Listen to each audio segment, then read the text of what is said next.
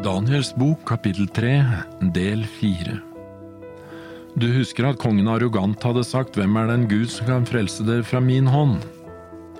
Kongen måtte erkjenne at det var en slik Gud. Han hadde ikke så mye valg, men selv om han nå for andre gang hadde fått et sterkt møte med Gud, kjenner han ikke Gud. Han bare erkjenner at han er der. Jeg kan nesten høre kongen kremte liksom rense stemmen, før han eh, gjør sitt forsøk på å gjenreise tilliten til ham selv som leder, som kongen av Babylon, etter den ydmykelsen som han jo egentlig har vært igjennom. I vers 29 så står det derfor gir jeg nå denne befaling. Den forrige befalingen hans hadde vært ganske så mislykket, men den er egentlig ikke noe bedre, den han kommer med nå. Derfor gir jeg denne befaling, at den som i sine ord forser seg mot Shadrach, Meshach og Abedegos gud, hva folk eller stamme eller tungmål han så tilhører, han skal hogges i stykker, og hans hus skal gjøres til en skraphaug, for det finnes ingen annen gud som makter å frelse slik. Det er en tragedie. Kongen har erkjent at det finnes en gud som er større enn han, men hans hjerte er uforandret, det er derfor han kom med sin befaling. Først lurer han på om det finnes noen gud som kan frelse fra hans hånd, og når han så har lidd nederlag og er erkjent at ja, det finnes en slik gud, ja, så forsøker han å hjelpe Gud. Det er det samme som Saulus, som jeg nevnte tidligere.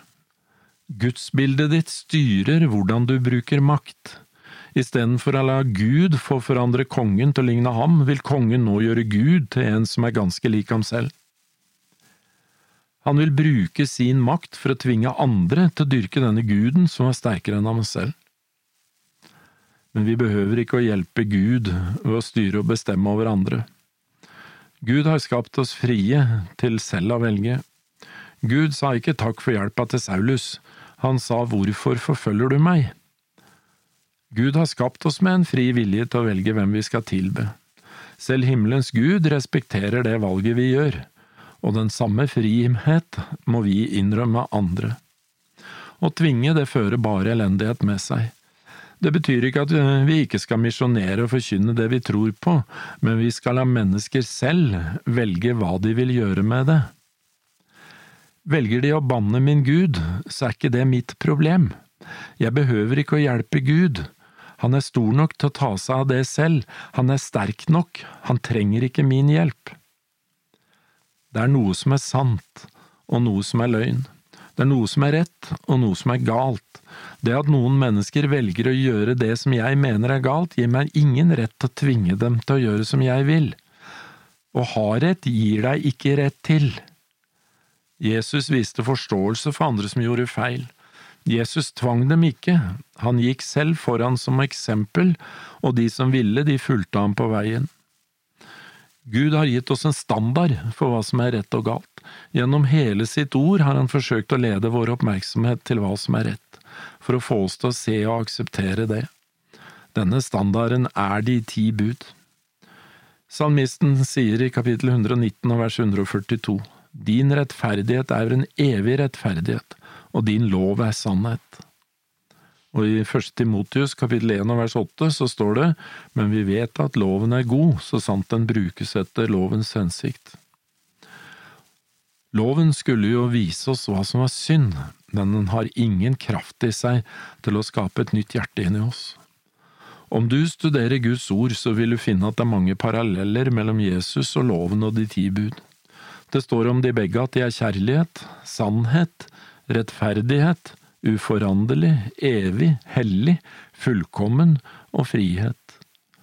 Loven er på en måte et skriftlig uttrykk for Guds karakter, hvem Gud er, han lyver ikke, han stjeler ikke. Jesus er virkeligheten, originalen, loven er bildet av Jesus. Jesus kom ikke for å avskaffe loven, men for å oppfylle den, det vil si å gi den tilbake sitt opprinnelige innhold.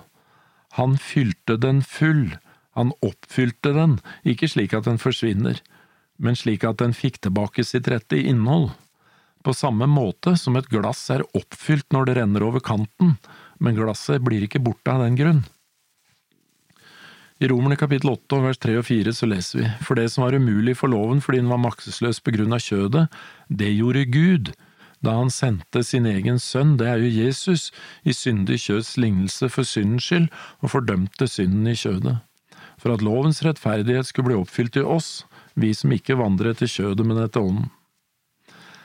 Etter at vi er blitt klar over hva som er rett og ser oss selv som syndere, trenger vi å gå til Gud for at Han kan gi oss omvendelse og sin ånd i den nye fødselserfaring. Det blir da Guds oppgave å ta bolig i oss på vår invitasjon, det er ikke noe tvang, og så skal Han skape i oss det å være i stand til å holde Guds lov. Det er et løfte. Esekiel han sier det på denne måten i Esekiel kapittel 36 fra vers 26. Jeg vil gi dere et nytt hjerte og en ny ånd vil jeg gi dere. Jeg vil ta bort steinhjertet av deres kjød og gi dere et kjødhjerte. Min ånd vil jeg gi inni dere, og jeg vil gjøre det så at dere følger mine bud og holder mine lover og gjør etter dem. Tidligere leste vi fra Første Mosebok 1,27. Og Gud skapte mennesket i sitt bilde, i Guds bilde skapte han det, til mann og kvinne skapte han dem. Det Gud skapte, det gikk i stykker. Det bildet Gud har skapt, det er mange som forsøker å endre på det. Men hva var det som gikk i stykker? Jo, det var jo gudsbildet, vår karakter. Derfor må Gud gjenopprette det som gikk i stykker. Han må gjenopprette sitt bilde, hans karakter i mennesket. For vårt, bild, vårt karakter er ikke lenger et bilde av hans karakter. Loven er bare et skrevet uttrykk for Guds karakter. Da Moses fikk loven på steintavler på vei ned fra fjellet, knuser han tavlene da han ser at folket danser drukner rundt gullkalven. Det Gud hadde skrevet med sin egen finger, gikk i stykker, akkurat som det Gud hadde skapt, mennesket, også på en måte gikk i stykker. Det Moses får beskjed av Gud om, er da å hogge seg ut to nye tavler lik de første, så vil Gud igjen skrive på de det samme som sto på de han slo i stykker. Dette er egentlig en del av de gode nyhetene av evangeliet. Da Gud skapte mennesket i sitt bilde, formet han det selv med sine egne fingre, men det gikk ved syndefallet i stykker. Gudsbildet eller karakteren ble fordervet. Men da må vi komme til Gud med det syndige hjertet vårt, og så må vi la hans profeter hogge til steinhjertene våre, slik som det står i Guds ord. Så vil han igjen bruke sin finger, som egentlig er et bilde på Den hellige ånd, til å skrive sin lov, sin karakter i våre hjerter. Satan liker ikke det. Han ønsker at vi skal være som han, ha hans karakter. Derfor ønsker han at vi skal bygge vår eget bilde. Han liker ikke Guds lov, han forsøker å sette noe annet i stedet. Et annet bilde. Akkurat som kong Nebukadnesar forsøker å forandre Guds bilde i den drømmen Gud hadde gitt Nebukadnesar, ønsker Satan også å forandre Guds bilde, det Gud har sagt. Han forsøker å skrive om Guds ord, sette sin egen løgn inn istedenfor Guds sannhet. Johannes' åpenbaring avslører Jesus strategien hans. Det er spennende å se hvordan de samme bildene brukes der som her i Daniels bok. Nebukadnesar var kongen i Babylon. Babylon er også et begrep i åpenbaringen på den forvirringen som vil råde i endetiden rundt gudstro og tilbedelse. Det er et dyr som åpner sin munn til spott mot Gud i åpenbaringens kapittel 13, akkurat som kong Nebukadnesar også gjør det. Hvem er den Gud som kan fri dere fra min hånd? Åpenbaringer forteller oss at det er dragen, altså Satan, som står bak det hele, og som gir dyret sin makt. Det interessante er at dyret er en religiøs makt. Det må jo nesten være det, fordi det handler om tilbedelse.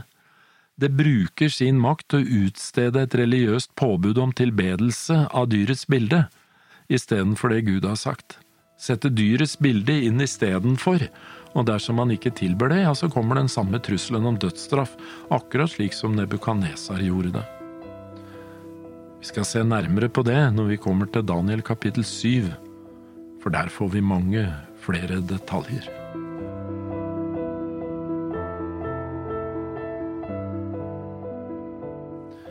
Neste gang så skal vi se på Nebukadnesar tredje møte med Gud.